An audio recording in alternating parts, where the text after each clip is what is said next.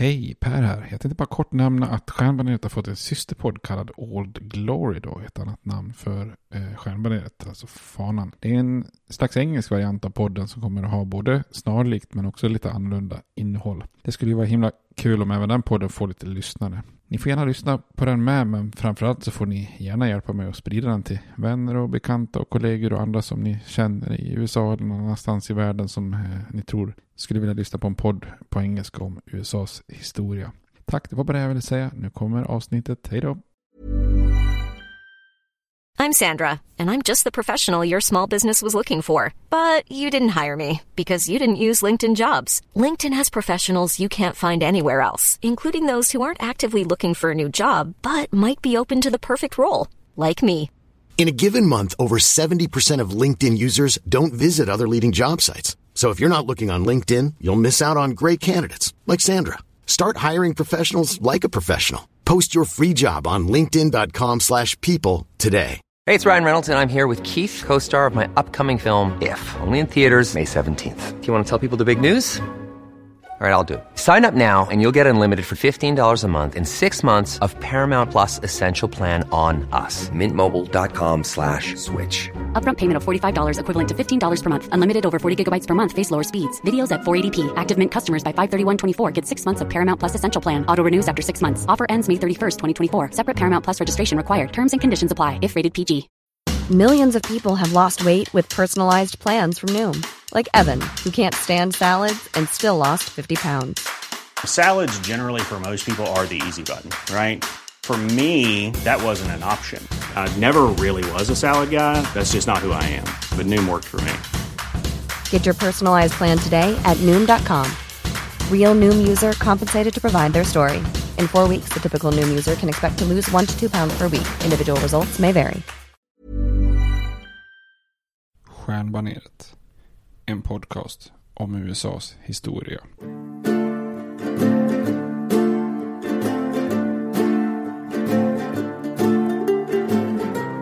We hold these truths to be self evident that all men are created equal, that they are endowed by their Creator with certain unalienable rights, that among these are life, liberty, and the pursuit of happiness.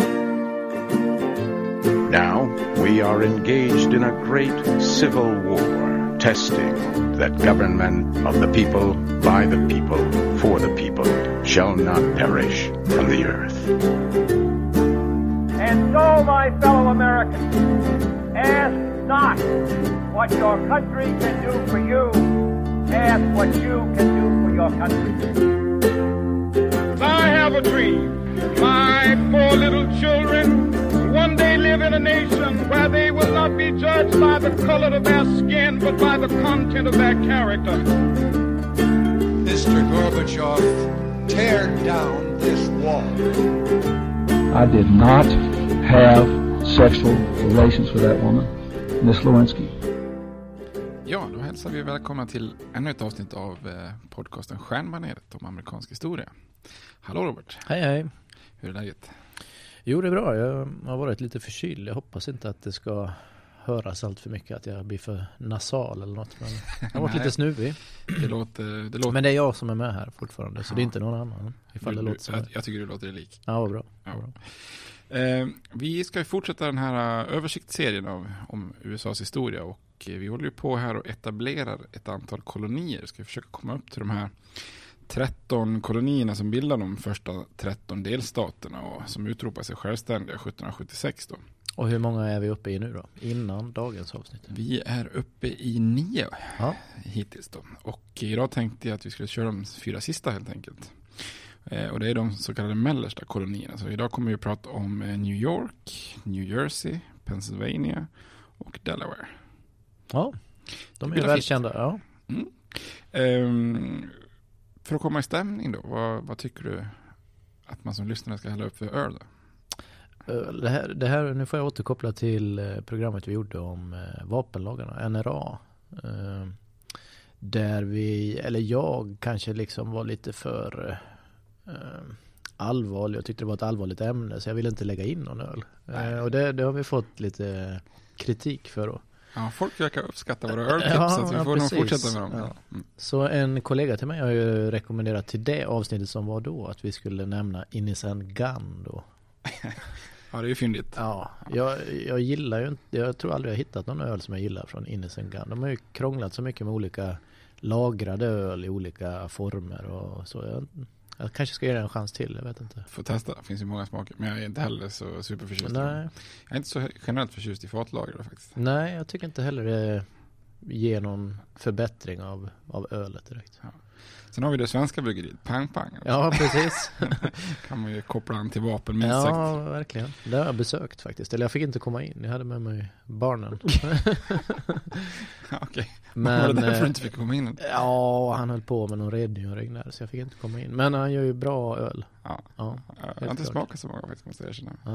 Nej, de kanske inte Eh, ville ha dina döttrar som stoppar fingrarna i, Nej, i, i mäsken. Får man ju förstå. Ja, ja. Men vad tänker du på här då? Nej men nu nämnde du ju stora, eller välkända ska jag säga, stater här då. Men New York då. Och eh, där har vi ju en stadsdel i New York, i staden New York som heter Brooklyn. Och de har ju också ett väldigt bra bryggeri. Verkligen. Ja.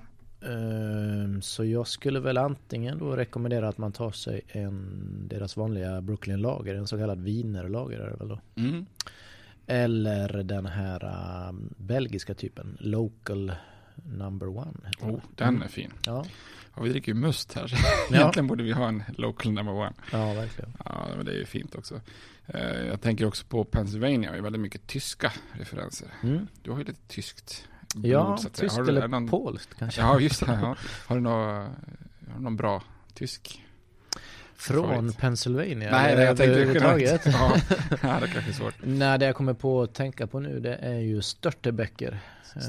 Uh, väldigt fina glas från Störtebecker. Ja. Det, det är goda öl också. Ja. Ja. Sen ska vi ju faktiskt prata om Delaware också, som en gång i tiden var en svensk koloni. Ja, Då tänker jag på Carnegie Porter. ja precis. För ska vi inte nämna den så mycket, det kanske blir ett eget avsnitt. Men det kan Ja, vara precis. bra. Ja. men kanon. Det vart har det vi- lite mycket öltips den här gången då. Ja, precis. Lite för att kompensera. ja, precis. Ja. Men då kanske någon har något hemma i kylen. Som, en Brooklyn Lager kanske många har. Så. Ja. ja.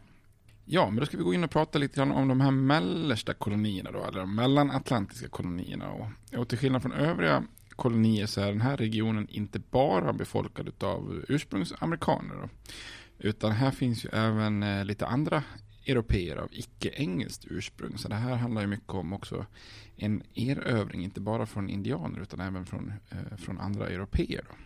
Är det här eh, kommer eh, dyka upp holländare och svenskar då? Ja, precis. För eh, när England är redo att eh, skapa kolonier i den här regionen då, så har det ju funnits en nederländsk koloni i 50 år. Eh, För redan 1614 så drar ett antal handelsmän i Amsterdam nytta av att det är eldupphör då, under en eh, 12-årig kamp för att göra landet eh, självständigt från Spanien. Då. Så man etablerar en handelspost i, eh, på ett ställe som man kallar för Fort Nassau som är då dagens Albany som är huvudstaden i New Yorks, i staten New York. Okej. Och där tänker man då bedriva pälshandel eh, med irokeserna. Det är det här, ett antal väldigt mäktiga stammar som dominerar det här området. Och senare så bildar man Nederländska Västindiska kompaniet och så man köper den här kompanivarianten som, som även eh, England eh, köper då.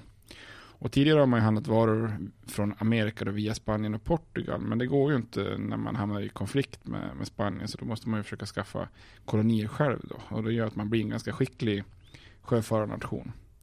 Och den här pälshandeln går ju fint, men att etablera en riktig koloni med en växande befolkning, det är, det är lite svårare. För det är ganska många som vägrar stanna någon längre tid, eller man vägrar jobba åt kompaniet. Det är lite samma problem som Virginia och Jamestown har. Att man, när man släpper på att man måste jobba för ett kompani så går det lite bättre.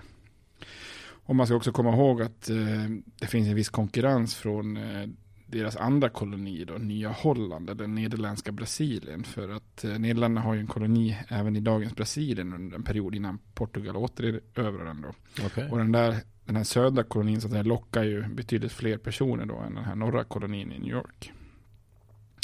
1625 då anländer en ny guvernör som heter Pe- Peter Minuit. Eh, och det är han som gör det här klassiska köpet av Manhattan för lite skitvaror värda eh, 60 guld eller floriner. Jag kommer inte ihåg vilken Mm. valuta det är.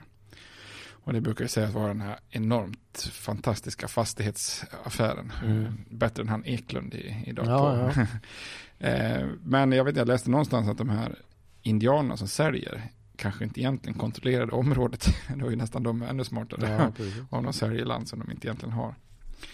Eh, Den här Minuit och Peter Minuit, han lyckas få folk att börja odla och, och bygga lite gårdar runt då den staden som ligger eh, längst ner på Manhattan då, som kallas för Nya Amsterdam. Och det är ju det som då blir eh, staden New York sen. Eh, och man får, han får lite, bygga lite gårdar då längs den östra eh, delen då, längs East River.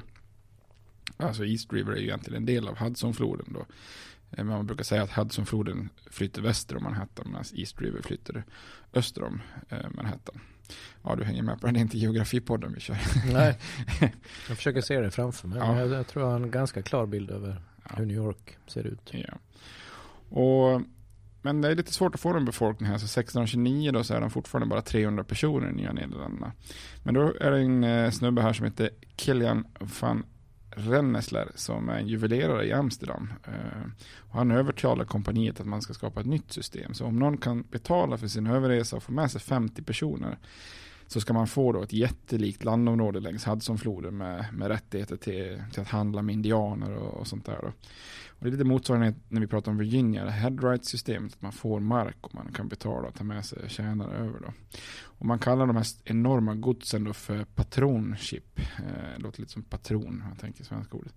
Eh, och de är enorma, ett är till och med större än hela Rhode Island, eh, den kolonin då. Och själv skickar han sin son då för att sköta det här godset som kommer att heta då Rensselaerwick. Eh, och, och det här blir ett system som blir ett arv för New York som, som hindrar tillväxten. För väldigt mycket mark binds ju då upp eh, på de här jättestora godsen och det hindrar småjordbrukare från att, eh, från att äga liksom. Och man tvingas arrendera så det hindrar lite grann till tillväxten då. Så trots ett antal ganska hårdföra guvernörer så förblir den här kolonin väldigt liten då. Eh, och New New Amsterdam då, eh, det som blir New York City är en riktigt laglös håla där skepp från många olika länder lägger till och där europeer och indianer dricker, dricker öl från ett av de första bryggerierna faktiskt i nya världen om man ska göra en, en ölreferens. Så det är kosmopo, kosmopolitiskt redan från start i, i New York då. Och precis som i många andra kolonier så blir den här relationen med de lokala indi indianerna ganska ansträngda. 1643 lyckas den ganska klantiga guvernören William Kift att provocera fram ett krig. Och det är ganska många koloni, koloni, kolonister som dör här kriget. Bland annat faktiskt hon Anne Hutchinson som vi pratade om i ett Mm. avsnitt här. Ja. Som, från, som fick fly från Massachusetts och var med Ja, och grundade. Rhode Island. Då. Hon och hennes söner, flytt, söner flyttade till Long Island. Där, där blir de faktiskt attackerade och dödade. Då. Men överlevarna som drar sig tillbaka till Nya Amsterdam, de förskansar sig på södra Manhattan eh, längs då en mur. Och det är den som är dagens Wall Street faktiskt. Det är Mhm. den muren man försökte Ja. försvara sig för. Och sen kör man de här lömska tricken som européerna kör då. Man betalar rivaliserande stammar för, för skalper och försöker få stam mot stam och, och sen så vänder kriget och så lyckas man i alla fall överleva då. Och till skillnad från Virginia så överlever själva kompaniet det här indiankriget också. Och för att göra någonting åt den här dåliga tillväxten så öppnar man nu upp eh, kolonin då för immigranter från i princip alla nationer då. Och det är egentligen den första kolonin i Nordamerika att göra så här. Alltså att man öppnar upp fri, fri invandring då egentligen. Så som man kanske har förknippat. Det fanns ingen tanke då att det skulle bli bara holländskt utan det är mer eh, det själva bolaget här som äger den här marken. Ja, precis. Det är ju, det är ju liksom en underlig... Det är svårt att tänka sig idag liksom, att man har ett helt land som är ett bolag. Men, Ja. men så, är det ju, så är det ju till exempel med Indien ganska länge. Det är ju ett engelskt, eller västindiska kompaniet till exempel som äger Mm. Indien i väldigt många år. Men det är väl en tanke då att försöka få till någon slags tillväxt så att, så att man kan dominera området och överleva då. Ehm, så då börjar befolkningen öka då. 1650 så, så finns det 4 000 personer och 1664 då när England erövrar så finns det 10 000 invånare. Och då är det ju någon jäkla blandning av holländare och franska hugenotter och franska balloner då från dagens Belgien eller engelska puritaner, judar, lite svenskar och finnar och så vidare. Och det här är ett, ett problem med den invandringen, det är ju bland annat för Nya Nederländerna att många puritaner, då, de här lite mer fanatiska protestanterna vi pratar om från eh, New England-regionen i norr då, de flyttade tvärs över vattnet och från Connecticut och etablerade sig på Long Island. Så stora delar av Long Island har ju väldigt mycket engelsmän och de kräver liksom helt andra rättigheter gentemot de styrande än vad de nederländska invånarna gör. Eh, så det här blir lite liksom en rivalitet mellan nya Amsterdam, alltså New York City, kontra då Long Island. Så man kan väl säga att det finns en rivalitet redan innan New York Rangers och New York Islanders. Ja. Om man tar en jämför med hockeyn. Eh, 1647 så utses då en person som heter Peter Stuyvesant till guvernör. Och han eh, försöker då expandera kolonin. Eh, och eh, dess handel bortanför Manhattan och Hudsonfloden och Long Island. Och ett av hans främsta mål är ju då det som är nya Sverige. Den eh, svenska kolonin. Okej. Okay. Tror du folk i allmänhet vet att vi har haft en koloni i Amerika? Nej, jag tror att man möjligtvis kan ha koll på att vi då hade någon liten besittning i vid Guldkusten i Afrika va? Ja, just det, det har vi också haft. Mm. Det tror jag fler möjligtvis kan känna till, men inte i Nordamerika, det tror jag inte. Nej, Nej och, men det är ju så, Sverige har ju alltså en koloni som ligger i princip rakt söder från Nya Nederländerna då, och norr om det engelska Maryland som vi pratade om i, i tidigare avsnitt. Och den här kolonin då, Nya Sverige, den etableras 1638 och finns fram till 1655 då. Och det här är lite grann när Sverige på sin höjdpunkt så här med 30-åriga kriget och eh, man bildade då ett västindiska kompaniet eh, men man eh, tar ju väldigt mycket hjälp från Nederländerna. Eh, många som är involverade här är, är holländare av olika slag. Och den första guvernören i Nya Sverige det är faktiskt den här Peter Minuit, alltså det är han som var guvernör i Nya Nederländerna som köpte Manhattan. Han eh, är den första eller guvernören i, i Nya Sverige. Då. Okay. Så man skickar iväg två skepp, Kalmar Nyckel och Fågelgrip. Ehm, och så grundar man ett fort och Fort Kristina som är döpt efter, efter den blivande drottningen, då, drottning Kristina. Och det är beläget i det som idag är staden Wilmington i eh, Delaware. Eh, och det finns faktiskt en kopia på den båten där nere i hamnen. Eh, alltså, eller inte den båten, men alltså en av dem, Kalmar Nyckel. Mm. Lite grann som den här båten i Göteborg. Ja. Eh, som finns. Eh, väldigt fin faktiskt. Jag fick gå ombord och kika runt lite grann när jag var där. Var, jag trodde inte det var någon där först. Det var inte öppet så. Men det var en snubbe där så han släppte in mig. Så jag fick ja. Eh, gå ombord. Väldigt eh, fin liten båt. Men den är ju den ska ju vara riktigt lika stor. Den känns väldigt liten. Jag hade inte gärna velat korsa Atlanten på den kan jag tänka mig. Eh, ofta säger man ju svensk kolonin i Delaware och det är ju framförallt dagens Delaware. Men eh, det är ju också delar av Pennsylvania, Maryland och eh, New Jersey faktiskt. Och man grundade ett antal orter och fort då, som har ganska fantastiska namn. Då. Jag nämnde ju där Fort Kristina som, mm. som är i Wilmington. Då. Sen har vi Fort Nya Älvsborg, mm. stavas som eh, fotbollslaget med E. Ja. Sen har man Fort Nya Göteborg, bra namn. Ja. Eh, Fort Nya Korsholm som ligger sydväster om Philadelphia då, som eh, jag tror Korsholm, det ligger väl i Österbotten i Finland eller sånt eh, Nya Stockholm som ligger i dagens Bridgeport, New Jersey. Eh, och sen Nya Vasa som är en del av Philadelphia idag. Också då finsk anknytning, det var för att ganska många av de svenska kolonisterna var från den finska delen av Sverige. Då. Och så faktiskt en ort som heter Mölndal kort och gott. Inte nya Mölndal eller någonting utan bara Mölndal. Ja. Det tycker jag är bra. Ja, verkligen. Jag vet inte om Mölndal fanns i, i Sverige då, men Nej, det är ganska gammalt. Kanske Mölndal här nere som en nya Mölndal. Eh, Mölndal i, i, i Gedon, Pennsylvania kanske är det gamla. Ja, Nej, det får man kolla upp. Ja, kanske. Eh, men på sätt och vis är den här svenska kolonin en ganska stor bedrift för det kommer ganska få skepp Eh, från Sverige med förnödenheter så de får liksom överleva, eh, överleva ganska själv då.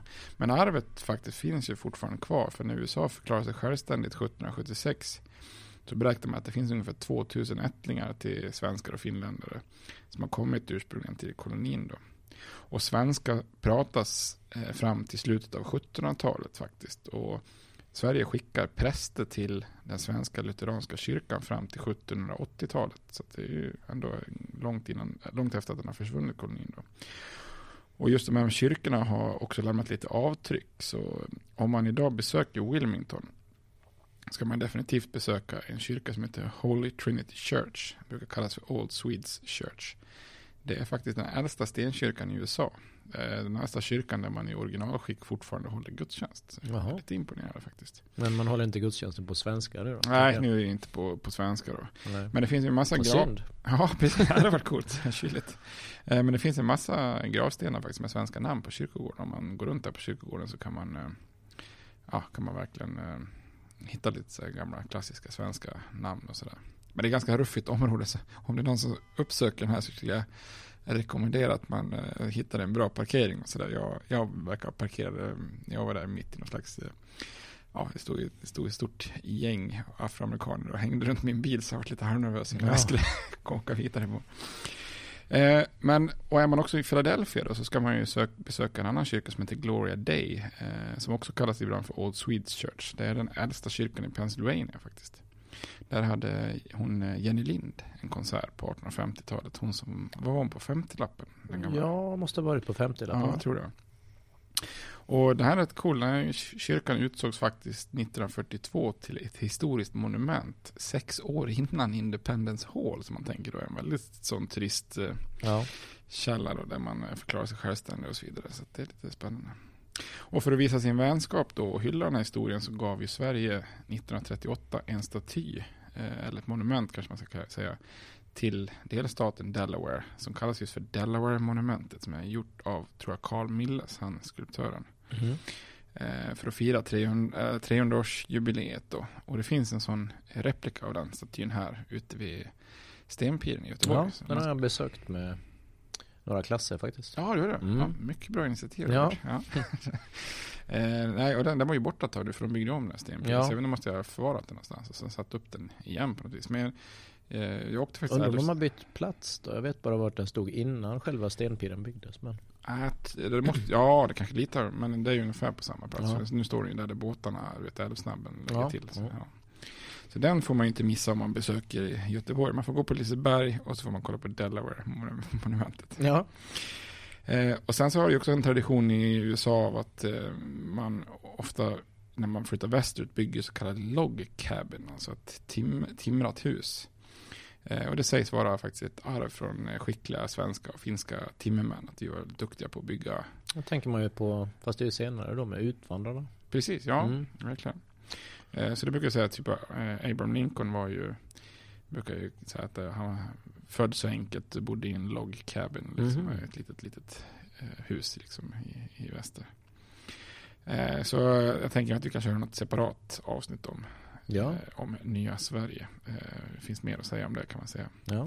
Men den här nederländska guvernören Peter Stuyvesant, han tänker i alla fall inte låta några svenskar stå i vägen för, för att expandera den här nya Nederländerna. Då. Så 1648 bygger han ett fort på liksom, vad ska man säga, svensk mark, alltså ganska nära svenskarnas fort. Eh, och då är svenskarna ganska kyliga, så de ser hur de svettas och bygger klart det här fortet och sen bränner de ner det. så det är bra.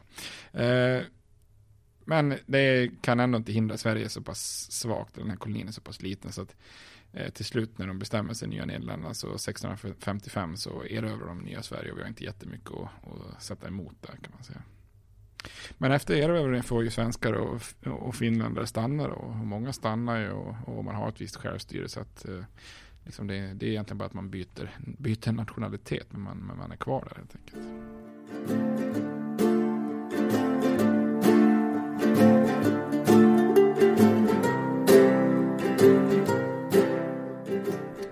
Nämnt eh, svenskar och eh, holländare här då. Men engelsmännen borde ju dyka upp här nu då. Ja, precis. Ta över. Precis som Jajamän. holländarna gjorde när de tog från Sverige så kommer säkert då britterna Jajamän. och vill ha en bit av den här kakan va? Det finns alltid en större fisk. Ja, jag tänker- är det för finnas i det? Jag vet inte, det lät bra. Ja. Du skulle inte ha sagt att det var någon? Ja, jag, tyckte det jag var film. Ja, jag tror det var en film. Så, sådana bra kommentarer kommer inte jag få. Jo, jo, jo. Jo, men det är ju så. Nederländerna, alltså de har ju etablerat sig i mitten av 1600-talet som en ledande sjöfarare och handelsnation då. Och står för väldigt stor del av transporterna till och från olika länders kolonier. Och en ganska stor andel av slavhandeln som är väldigt lukrativ då för, me- mellan Afrika och nya världen. Och när England börjar växa till sig då och skapa sin större, stora flotta då, så då vill ju de utmana Nya Nederländerna. Och det här leder till egentligen tre krig, brukar kallas för Anglo-Dutch Wars på engelska. Det, ja, det är krig mellan eh, England och eh, Nederländerna helt enkelt. Mm.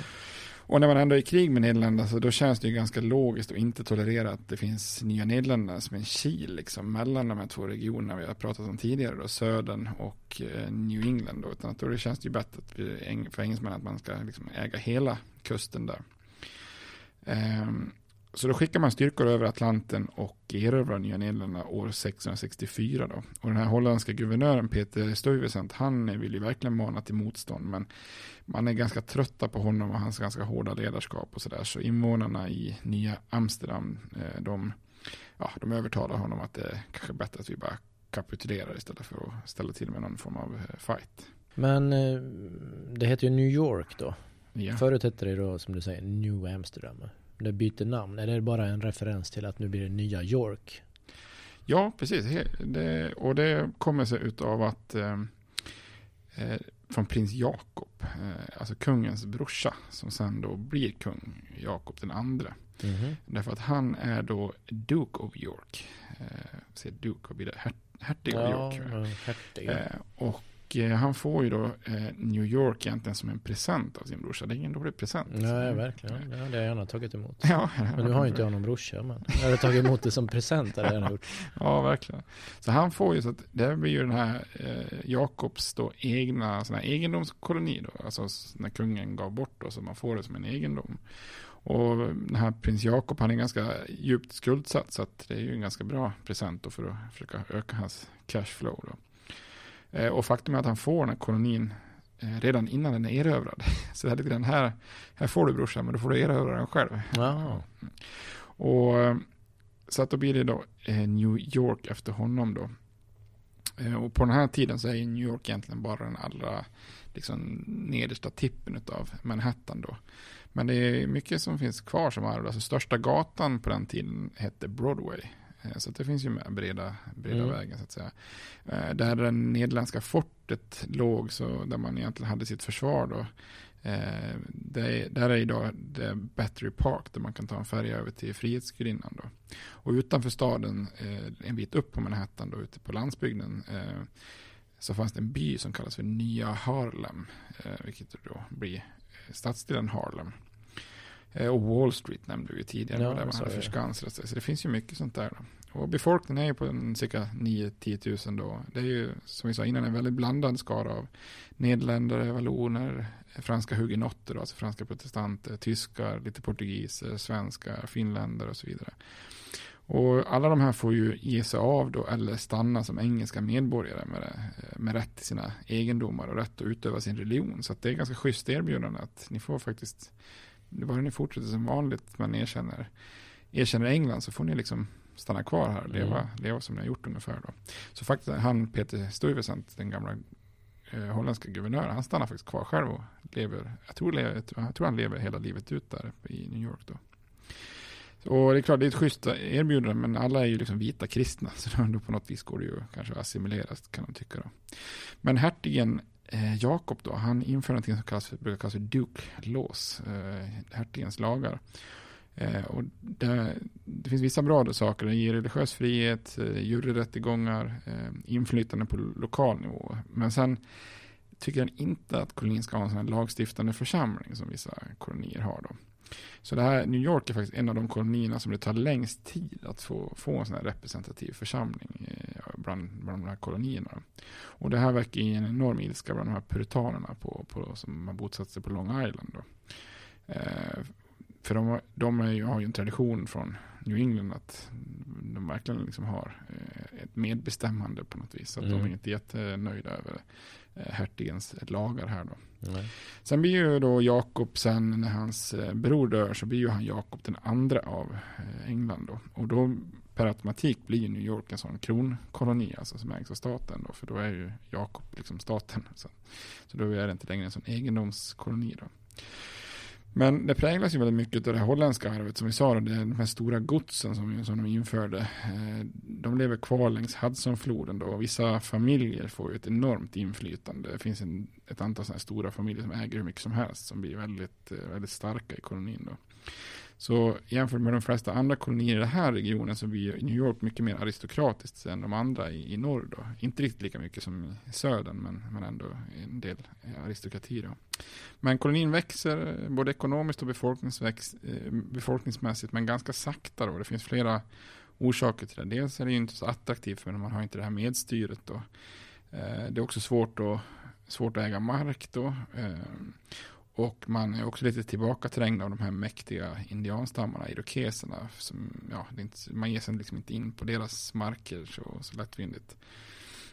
Eh, så man ägnar sig åt mycket pälshandel då vid eh, det som blir staden Albany, som är ju New Yorks eh, huvudstad fortfarande. Eh, som då hette Fort Orange eller Fort Nassau under så länge det tillhörde Nederländerna. Och man säljer väldigt mycket jordbruk till, till Västindien. Så att år 1700 så har man ändå lyckats växa till 18 000 invånare.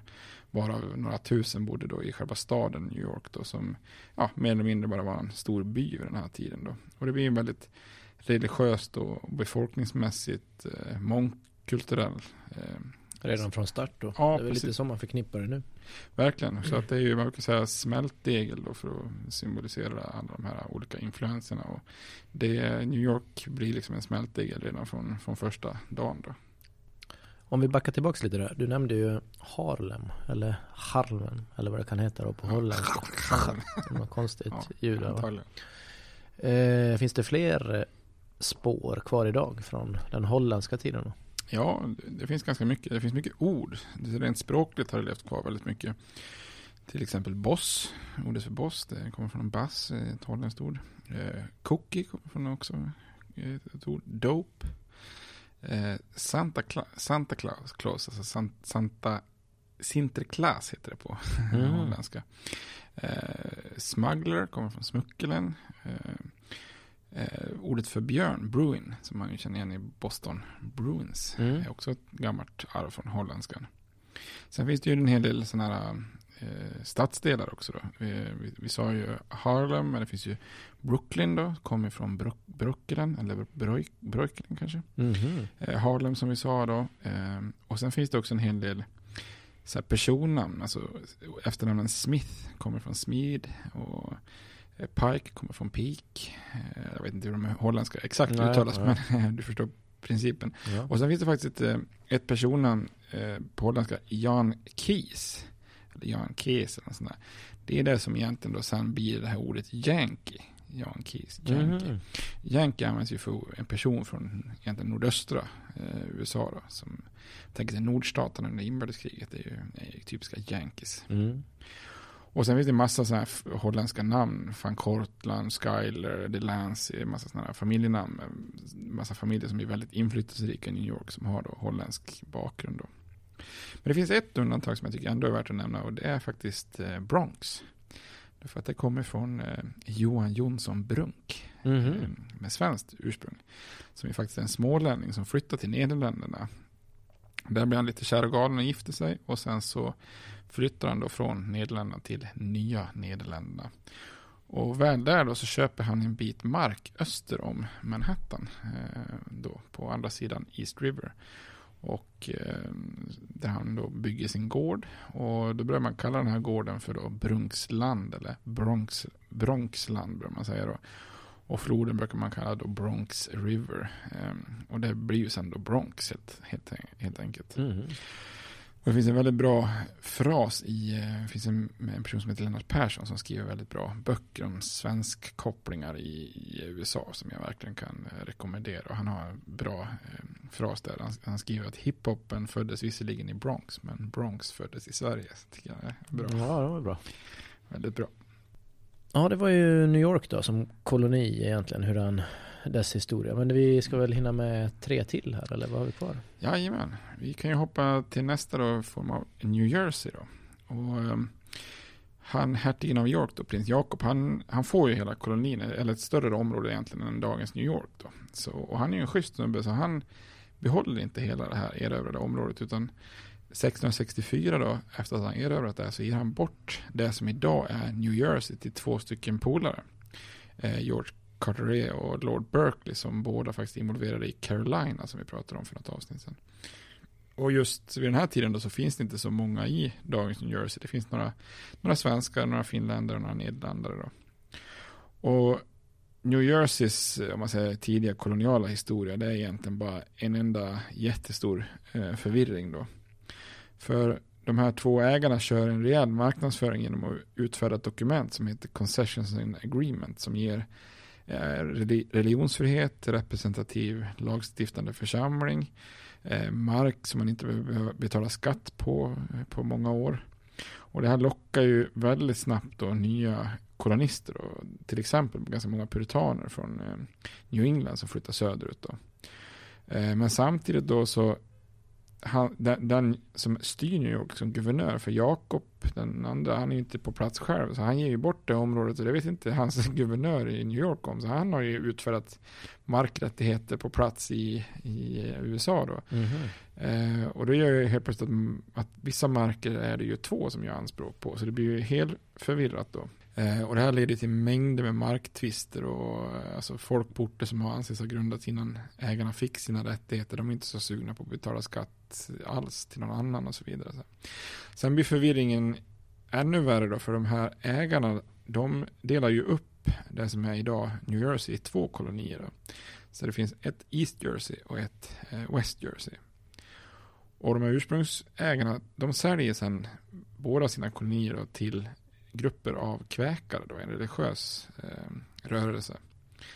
De här kväkarna, de som vi kommer att märka senare, de är mer intresserade av Pennsylvania. Så att de, de säljer det här vidare då till grupper av landspekulanter. Så det här är liksom bara de här East och West Jersey, de säljs liksom vidare i omgång för omgång. Mm -hmm. Så man kan väl säga så att till slut är det bara total förvirring med massor av ägare hit och dit och ingen som vet egentligen vem som ska betala skatt eh, till vem. Och då eh, många vill inte betala skatt överhuvudtaget så det är bara ren, ren förvirring då. Eh, så det blir en koloni med ganska mycket småskaligt jordbruk och ja, tillväxten är svår för den enda hamnstaden, Perth Amboy, inte, kan inte konkurrera med New York. Så men samtidigt blir det som New York också, det blir en koloni med massor av olika etniska grupper och olika religioner. Då. Eh, men till slut blir den här förvirringen för stort, så dåvarande ägarna eh, ger ju upp sina politiska rättigheter 1702. Då. Eh, och då förenar man East och West Jersey återigen till New Jersey, en koloni då, och sen så tar man över den från staten då, så att det blir en sån kronkoloni då, precis som New York och några andra då.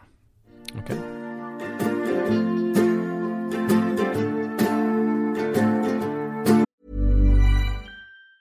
Hey, it's Danny Pellegrino from Everything Iconic. Ready to upgrade your style game without blowing your budget? Check out Quince. They've got all the good stuff shirts and polos, activewear, and fine leather goods, all at 50 to 80% less than other high end brands. And the best part? They're all about safe, ethical, and responsible manufacturing. Get that luxury vibe without the luxury price tag. Hit up quince.com slash upgrade for free shipping and 365 day returns on your next order. That's quince.com slash upgrade. I'm Sandra, and I'm just the professional your small business was looking for. But you didn't hire me because you didn't use LinkedIn jobs. LinkedIn has professionals you can't find anywhere else, including those who aren't actively looking for a new job, but might be open to the perfect role, like me. In a given month, over 70% of LinkedIn users don't visit other leading job sites. So if you're not looking on LinkedIn, you'll miss out on great candidates like Sandra. Start hiring professionals like a professional. Post your free job on linkedin.com/people today.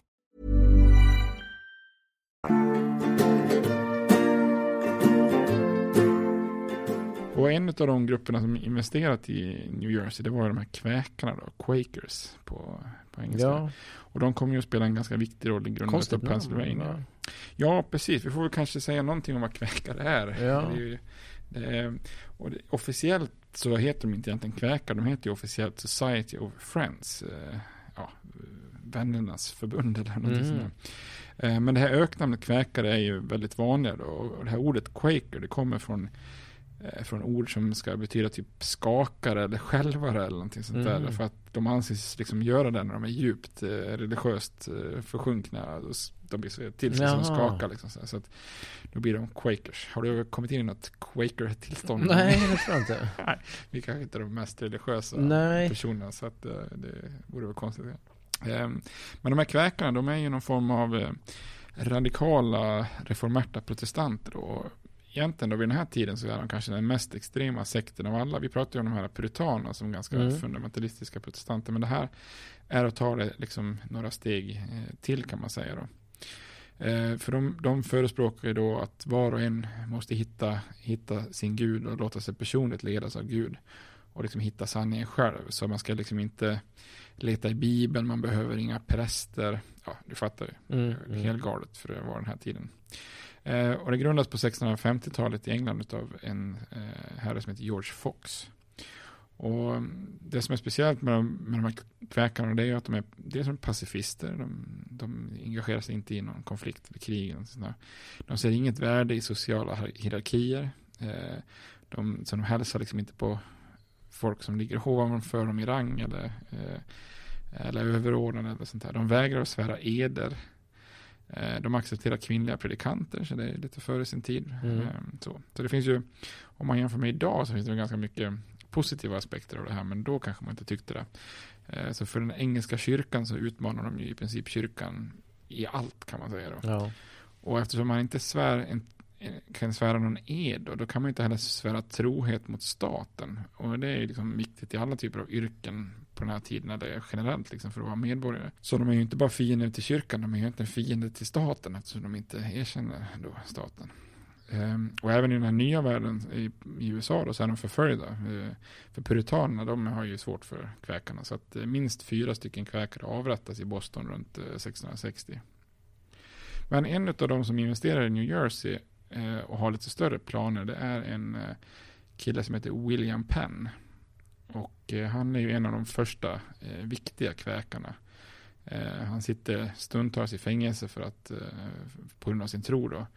Men han har en hållhake på kungen som är bra då. Han, kungen står i, har en jättestor skuld till Pens far. För han var eh, bidragit till den här, om vi kommer ihåg, vi pratade om restaurationen, alltså när kungen får tillbaka sin kungakrona ja, eh, efter Oliver Cromwell och inbördeskriget. Ja.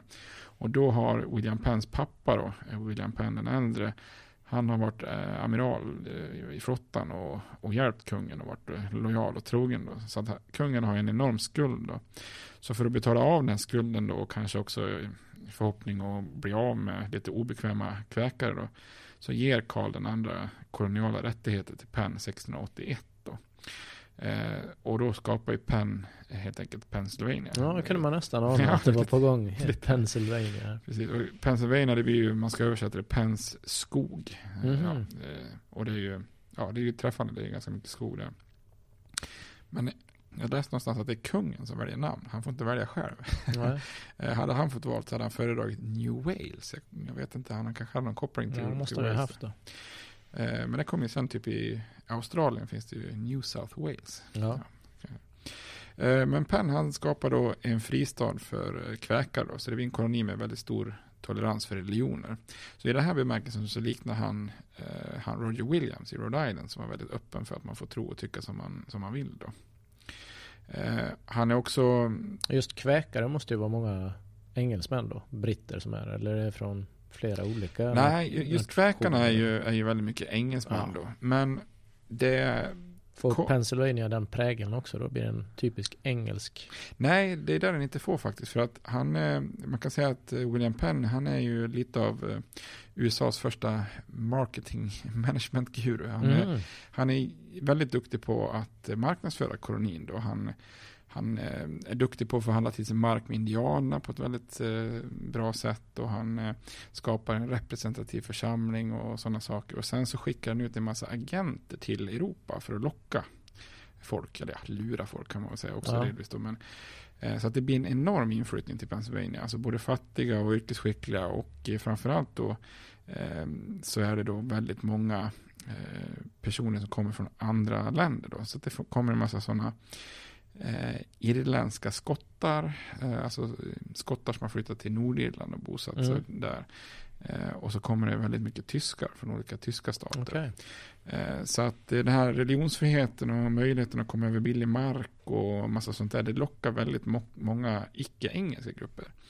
Eh, så och det känns igen, det finns ju orter som eh, till exempel Germantown som har växt ihop med Philadelphia idag till exempel. Där hör man med tyska tyska ursprunget då. Och eh, många av de här tyska, tyskarna som kommer tillhör så här små, små lite luddiga, konstiga sekter av olika slag. Då. Och eh, det där är ju spännande för det lever kvar än idag i östra Pennsylvania. Så är ju, är, det är ju där man hittar de här amish. Och de, här, Ja.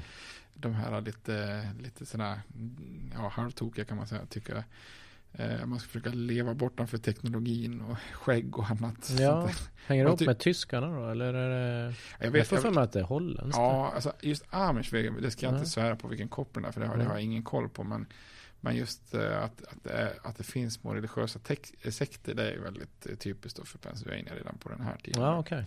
Så menar, Amish, det är ju speciellt. Jag bilade ju igenom där. Ja. Man börjar komma fatt med fordon. Bara, vad är det här för någonting? Det var ju häst och vagn med batterilampor Ja, och grejer. sett på bild. ja. Väldigt, eh, väldigt märkligt. Finns det någon bra film om Amish? Ja. jag vet inte den där. Eh, Fan, det är när de är ute och k- Det också. Vi har ju nämnt han tidigare.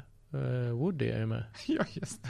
Woody Harrelson. Ja. Han kommer tillbaka i alla avsnitt. Ja, han heter Kingpin tror jag. Det är om bowling.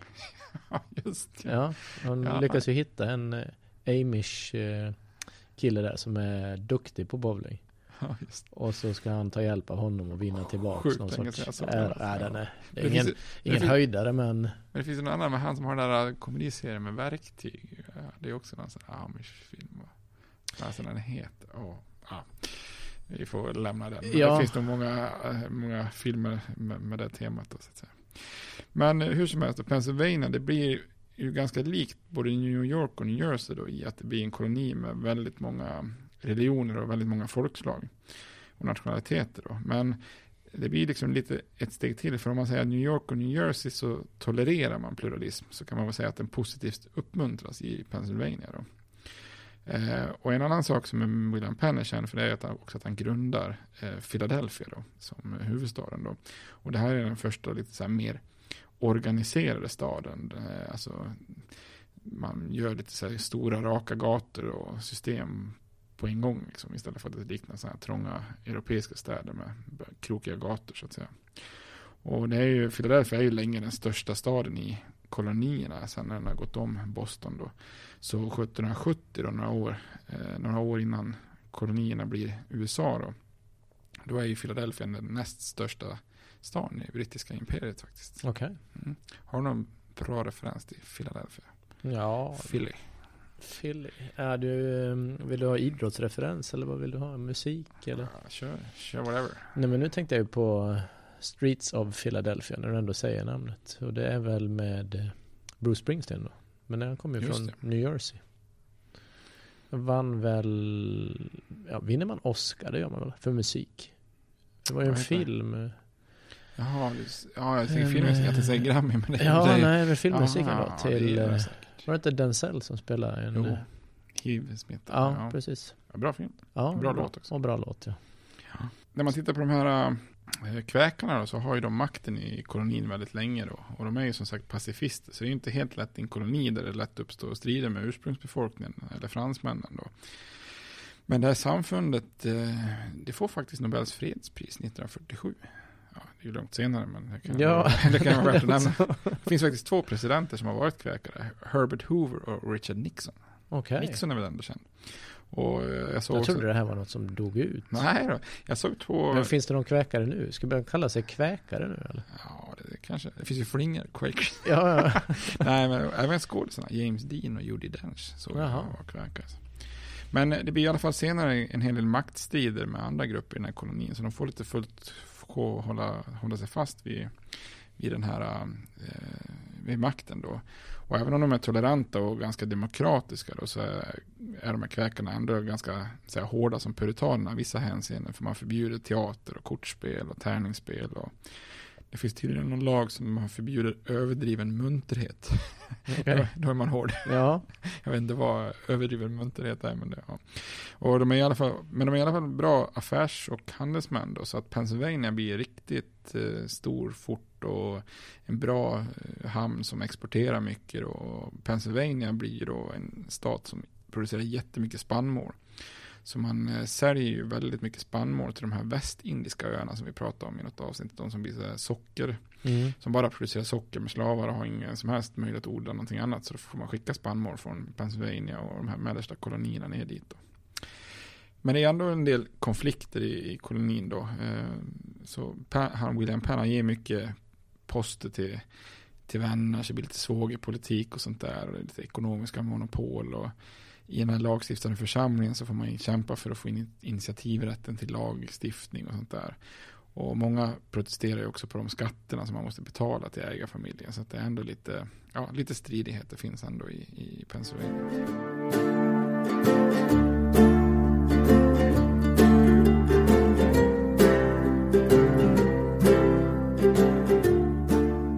Om jag har räknat rätt här nu då så är vi uppe i 12 kolonier. Och då borde ju det som jag kallar svensk kolonin då, Delaware, var kvar. Ja, ja nej, men det är, den är, det är ju den sista då. Det tillhör faktiskt först Pennsylvania. Eh, för att William Penn har fått det som är dagens Delaware eh, som en del i sin egendom då. Eh, ja, mycket av de delarna som tillhör då den gamla svensk kolonin Nya Sverige är då under William Penns ansvar då. Eh, inklusive dagens Delaware. Och inom Pennsylvania så kallas det som sen blir Delaware, brukar bara kallas för de tre lower counties. Alltså då, det är tre countin i, i Delaware då. Och, eh, där, man läste någonstans, det finns ett skämt där att eh, det är tre stycken counties vid ebb och det är två vid flod så, jävla dåligt. Jag, vet inte, jag, läste det skämtet jättemånga gånger. Eh, jag- Man blir så här bara, är det, det var inte jätteroligt.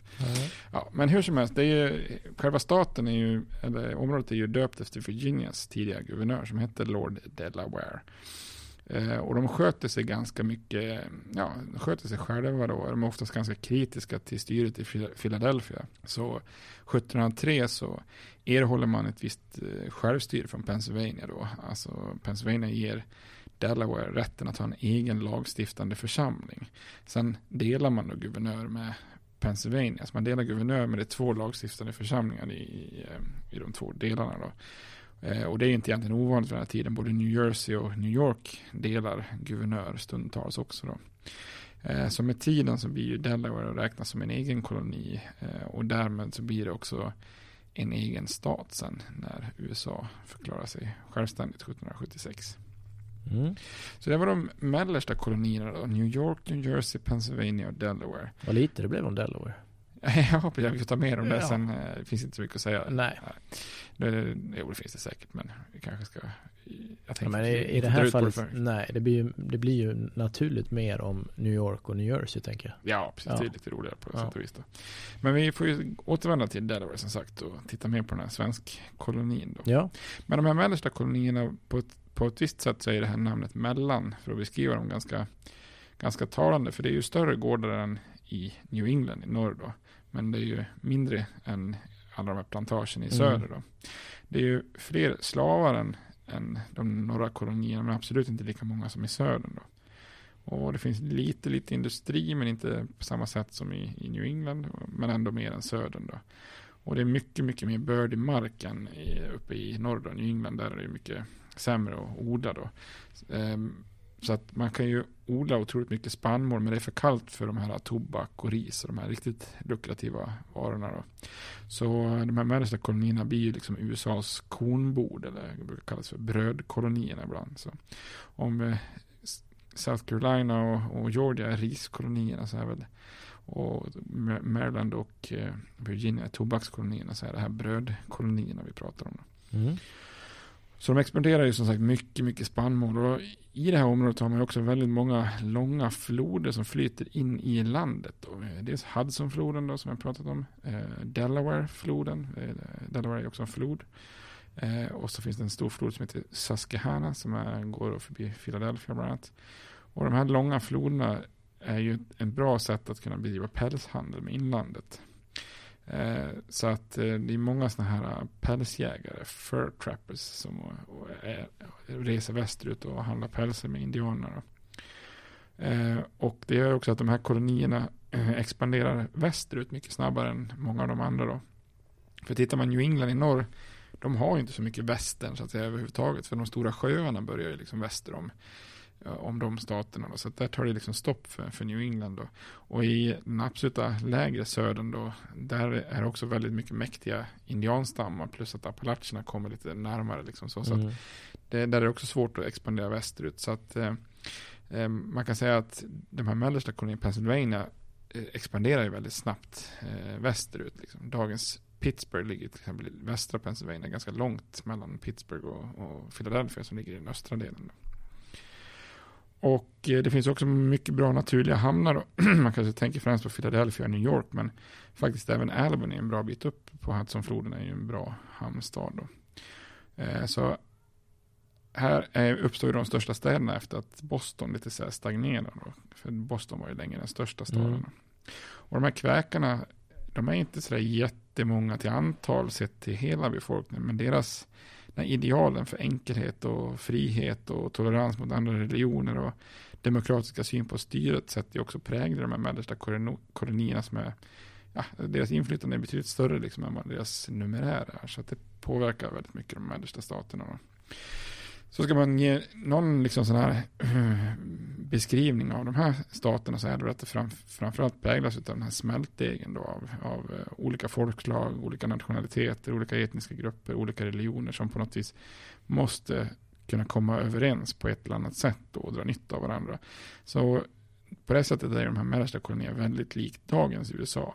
Eh, och kanske nästan de kolonierna som mest liknar dagens USA om man ska titta på alla kolonierna. Då. Mm.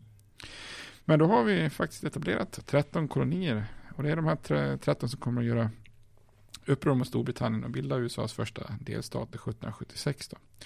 Så om vi går från norr till söder då, så har vi New Hampshire, Massachusetts, Rhode Island, Connecticut, New York, New Jersey, Pennsylvania, Delaware, Maryland, Virginia, eh, North Carolina, Syd Carolina och Georgia. Där Ja. har vi de 13.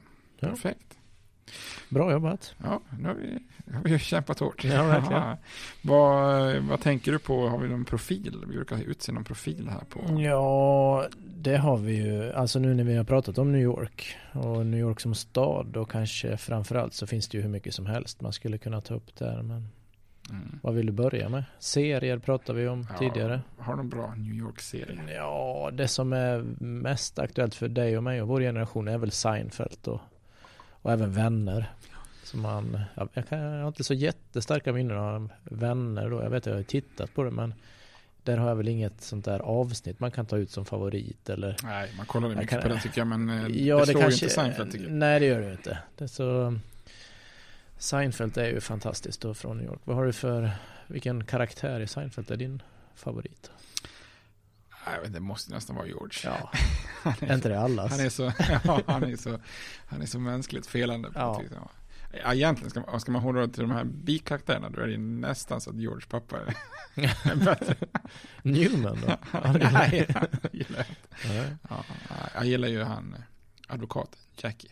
Jaha, nej det har jag svårt för. Alltså, har du? Ja, jag tycker inte om honom. Ja, om vi fortsätter då eh, med serier.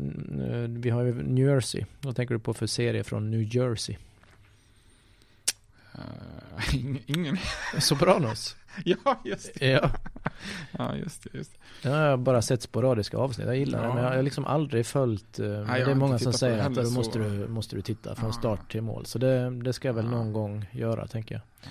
Där har vi också en koppling. En skådespelare där i Sopranos är ju Steven van Sant. Alltså Little Ja, just Steven. det. Från uh, ja. East, vad heter det? E Street Band, ja.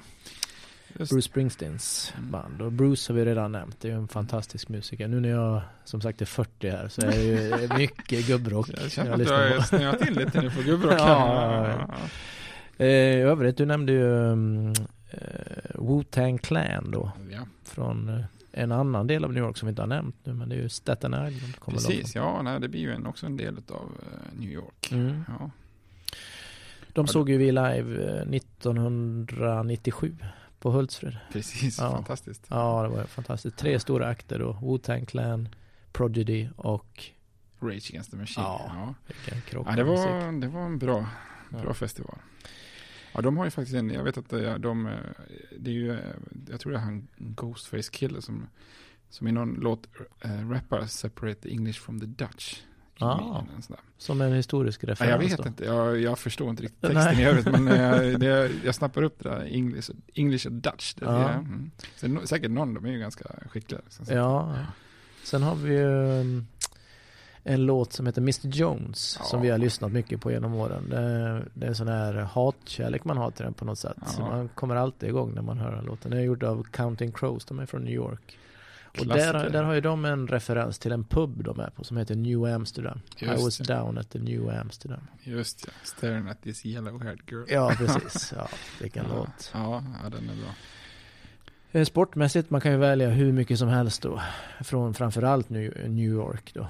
Eh, och det ses ju som väldigt fint att spela de här klubbarna. Om man tänker då um, NHL-hockeyn så är ju eh, Rangers.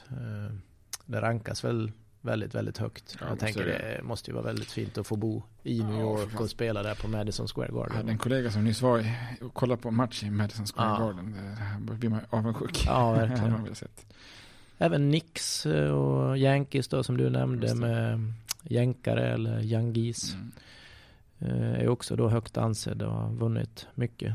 Um, sen nämnde vi Philadelphia. Du hade ju en referens där att de försökte samla in namnförslag när Philadelphia, precis. det som blir hockeylaget Philadelphia Flyers då. Klassisk klubb. Ja, de skulle ju då ha kunnat heta Quakers. Ja, precis. Philadelphia Quakers. Quakers. Ja. Det hade varit, eh, man presenterade, vad heter de, Legion of Doom. Ja, med precis. Renberg och Leclerc och uh, Lindros. Ja, De är de bästa från Philadelphia Quakers. ja precis.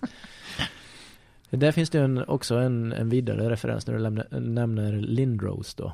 Han var ju inblandad i en trade med Peter Forsberg. Just det. Ja, just det. han blev ju egentligen då draftad av Quebec. Men han vägrar ju spela för ett eh, eh, franskpratande lag. Alltså var det så? Ja, ja, visst. Ja, okej. Ville inte spela där. Han är aggressiv. Ja, nu har inte jag läst på men jag för mig han liksom strejkade i nästan ett år innan det löste sig det här då. Oj, oj. med en, en stor trade där Peter Forsberg då gick åt andra hållet. Eh, Lindros drabbades ju sen, han fick väl ingen, ja han hade väl en bra karriär naturligtvis men de vann ju aldrig eh, Stanley Cup Nej, med, med honom då. Men det Ja. gjorde ju istället då Peter Forsberg med, Just det. vad heter han, Mike Rich- Ritchie heter han? Som också gick åt motsatt. Ja, okej. Så det där kan man kolla upp lite om. Det är en lite Ja. intressant historia. De har ju, det är ju bra rivalitet där, Philadelphia mot Pittsburgh. Det är ju två Pennsylvania-lag. Liksom. Ja, just det. Mm. Jag eh, har ju också faktiskt sett basket med, jag var på Celtics i Boston. Då mötte de ju New, vad hette de nu? New Jersey Nets hette de på den tiden, tror Ja, jag. Det det. var ju ett riktigt bra gäng då. Men de tror jag har flyttat, jag tror de heter Brooklyn Nets nu, Mhm. faktiskt. Ja, men det finns mycket lag där som Ja. sagt. Men eh, du, eh, ursprungsfrågan var ju då någon profil. Och det är ju Ja. från det du kanske har pratat om och det du har Ja. berättat. Och vad- vem, vem skulle du säga då? Ja, jag du, vill du hamna, säga- ska du kom- vara så patriotisk så du tar den här svensken då? Som eh, har Ja, gett just namn det, till Bronx, Bronx. Ja. Ja, han är ju bra profil, men annars kan man ta han Peter Minuit. Han var ju ändå guvernör i både Nya Nederländerna och Nya Sverige. Ja. Och eh, köpte Manhattan, det får man väl ändå. ja, det, det var väl en bra. det var en bra profil tycker Ja. jag. Eh, annars är väl William Penn, har vi pratat om. En bra profil kanske. Ja. Ja, ska vi ge oss så? ja, vi rundar väl av det tycker jag. Bra, men då får ni ha det fortsatt bra här. Så får ni sätta på nästa avsnitt helt enkelt. Ja, Bra, fint, hej. tack och hej. States like these and their terrorist allies constitute an axis of evil.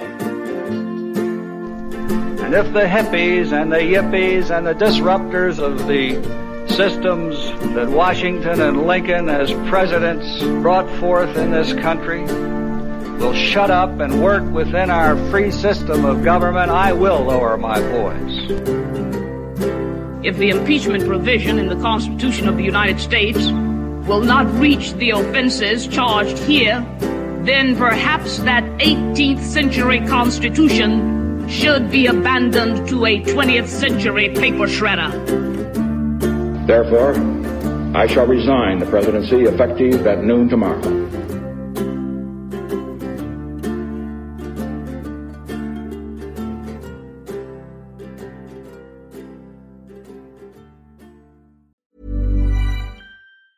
Hey, it's Danny Pellegrino from Everything Iconic.